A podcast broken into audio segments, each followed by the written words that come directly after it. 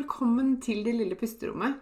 Dette er podkasten som vil hjelpe deg til å skape små pusterom, finne ro og være mer til stede i hverdagen din. Jeg heter Maren Kvalvåg Toven.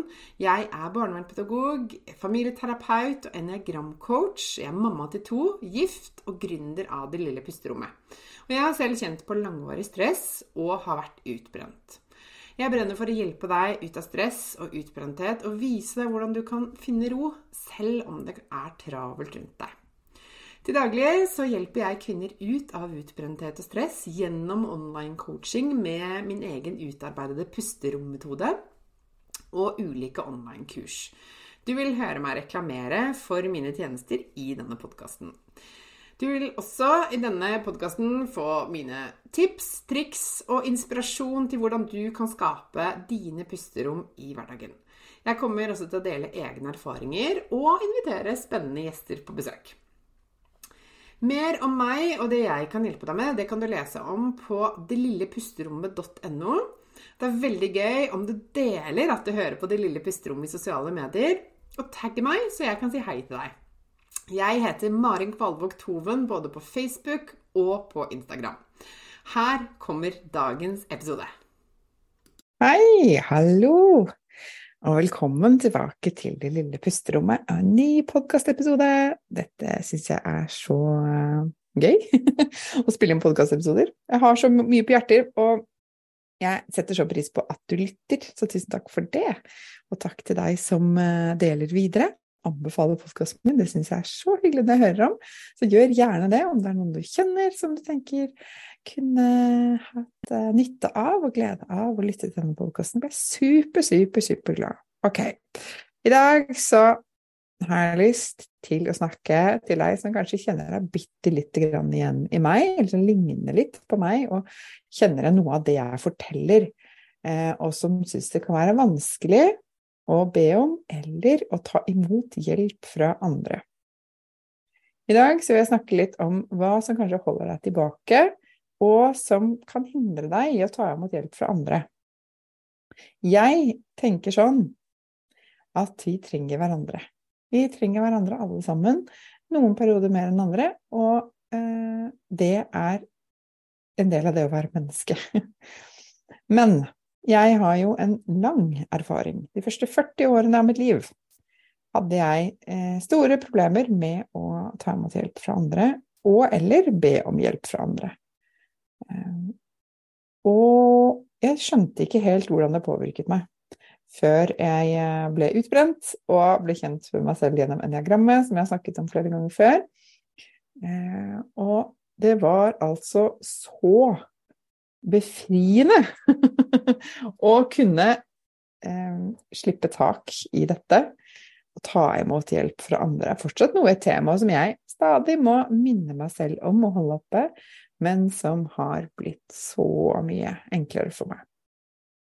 Så i dag så tenkte jeg skulle snakke om litt ulike, litt, kommer litt an på eh, hvordan du er skrudd sammen, og med bakgrunn i eniagrammet, egentlig. Eh, tre eksempler på hva som kan holde deg tilbake, hva som hindrer deg i å be om eller å ta imot hjelp fra andre. Det første er stolthet. Ikke stolthet som en sånn 'Å, jeg er så stolt av meg selv, jeg er så bra', stolthet, men stolthet i form av sånn jeg er for stolt til å ta imot hjelp. Jeg klarer meg selv.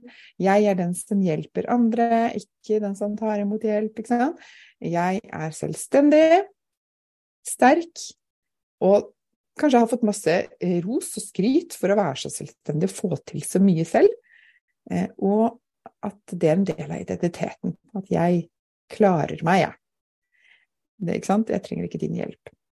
Eh, det er noe som veldig mange kan, kan, bli, kan kjenne seg igjen i, tror jeg. Og og det er mye bra i det. Det er mye bra i det å være selvstendig, tenker jeg, og, og klare ting selv. Og det er mye bra i det å liksom være glad i å hjelpe andre, men ikke når det hindrer deg i å også med god samvittighet og med trygghet og ro kunne be andre om hjelp, og ta imot hjelp fra andre og faktisk si ja, takk.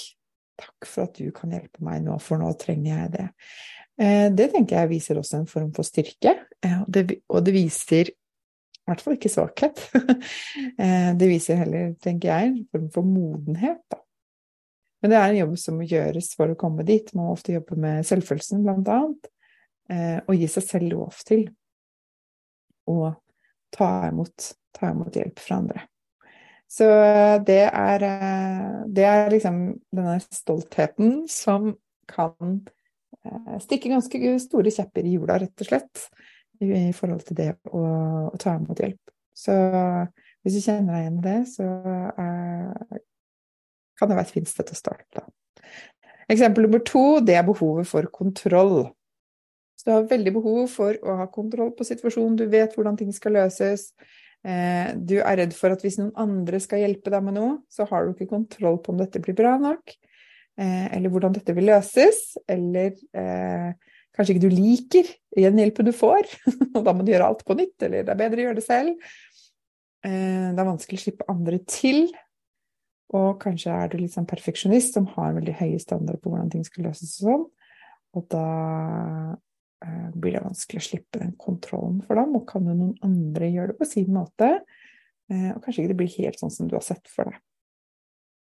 Og det kontrollbehovet kan begrense ganske mye, da, særlig i forhold til det med å eh, det vi snakker om i dag, ikke sant? dette med å, å, slippe andre til, og kanskje slippe litt taket i noe. Eh, enten om det handler om deg selv, eller om det handler om noe, en oppgave du skal løse, f.eks. Er det et prosjekt på jobben eller noe du har ansvar for, eh, så vil du jo helst ha kontrollen, for da vet du hvordan det blir løst, og at det blir bra, og alt dette her. og da kan det kontrollbehovet holde deg litt tilbake og gjøre det vanskelig, da. Å ta imot hjelp fra andre og delegere eller, å, eller be om hjelp, da. Og tredje eksempelet, det er eh, at det er frykten som holder deg tilbake. Hva skjer hvis noen skal hjelpe deg, og så kanskje de avslører deg?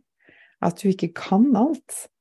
Eh, at eh, du eh, plutselig blir avslørt som fake, ikke sant? At det, eller at du er redd for hva andre vil mene om deg når du tar imot hjelp. Eller du er redd for hva de kan eh, si og synes om deg hvis du ikke klarer alt selv.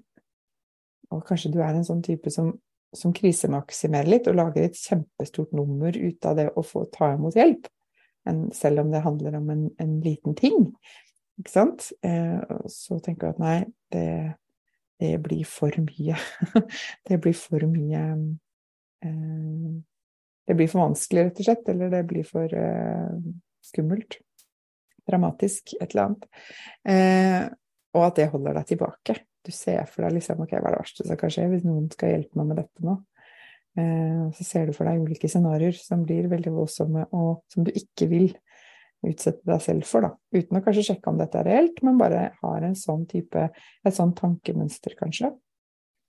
Og at frykten holder deg tilbake, at det er bedre å gjøre det selv. Eh, det er mindre eh, skummelt. Eh, ja.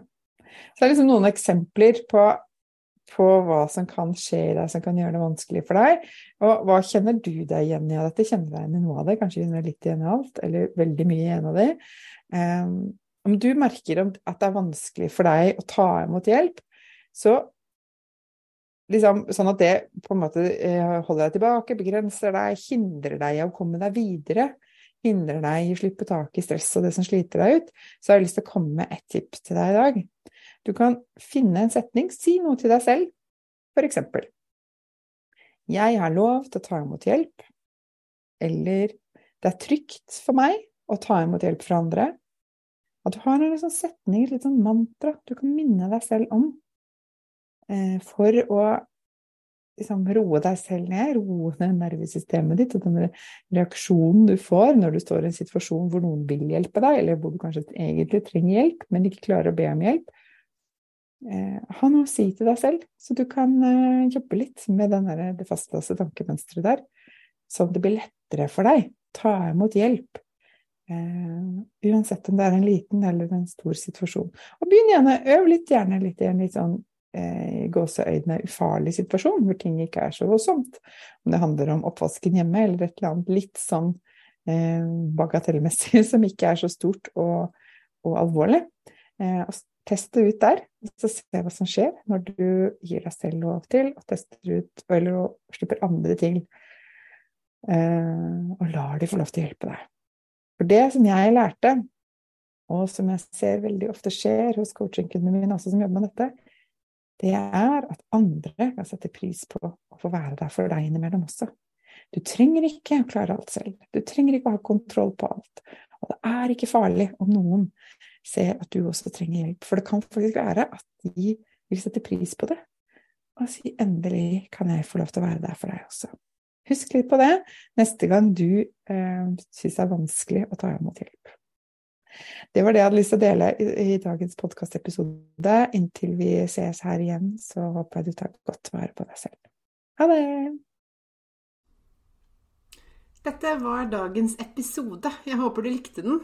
Og hvis du gjorde det, så del gjerne i sosiale medier og tagg meg med Mari, at Maren Kvalvåg Toven, så kan jeg si hei til deg. Jeg blir så glad for sånne meldinger. Og følg meg gjerne også på Facebook og på Instagram. Du finner meg som Maren Kvalvåg Toven begge steder. Jeg ønsker deg en fin dag videre, og så snakkes vi igjen snart.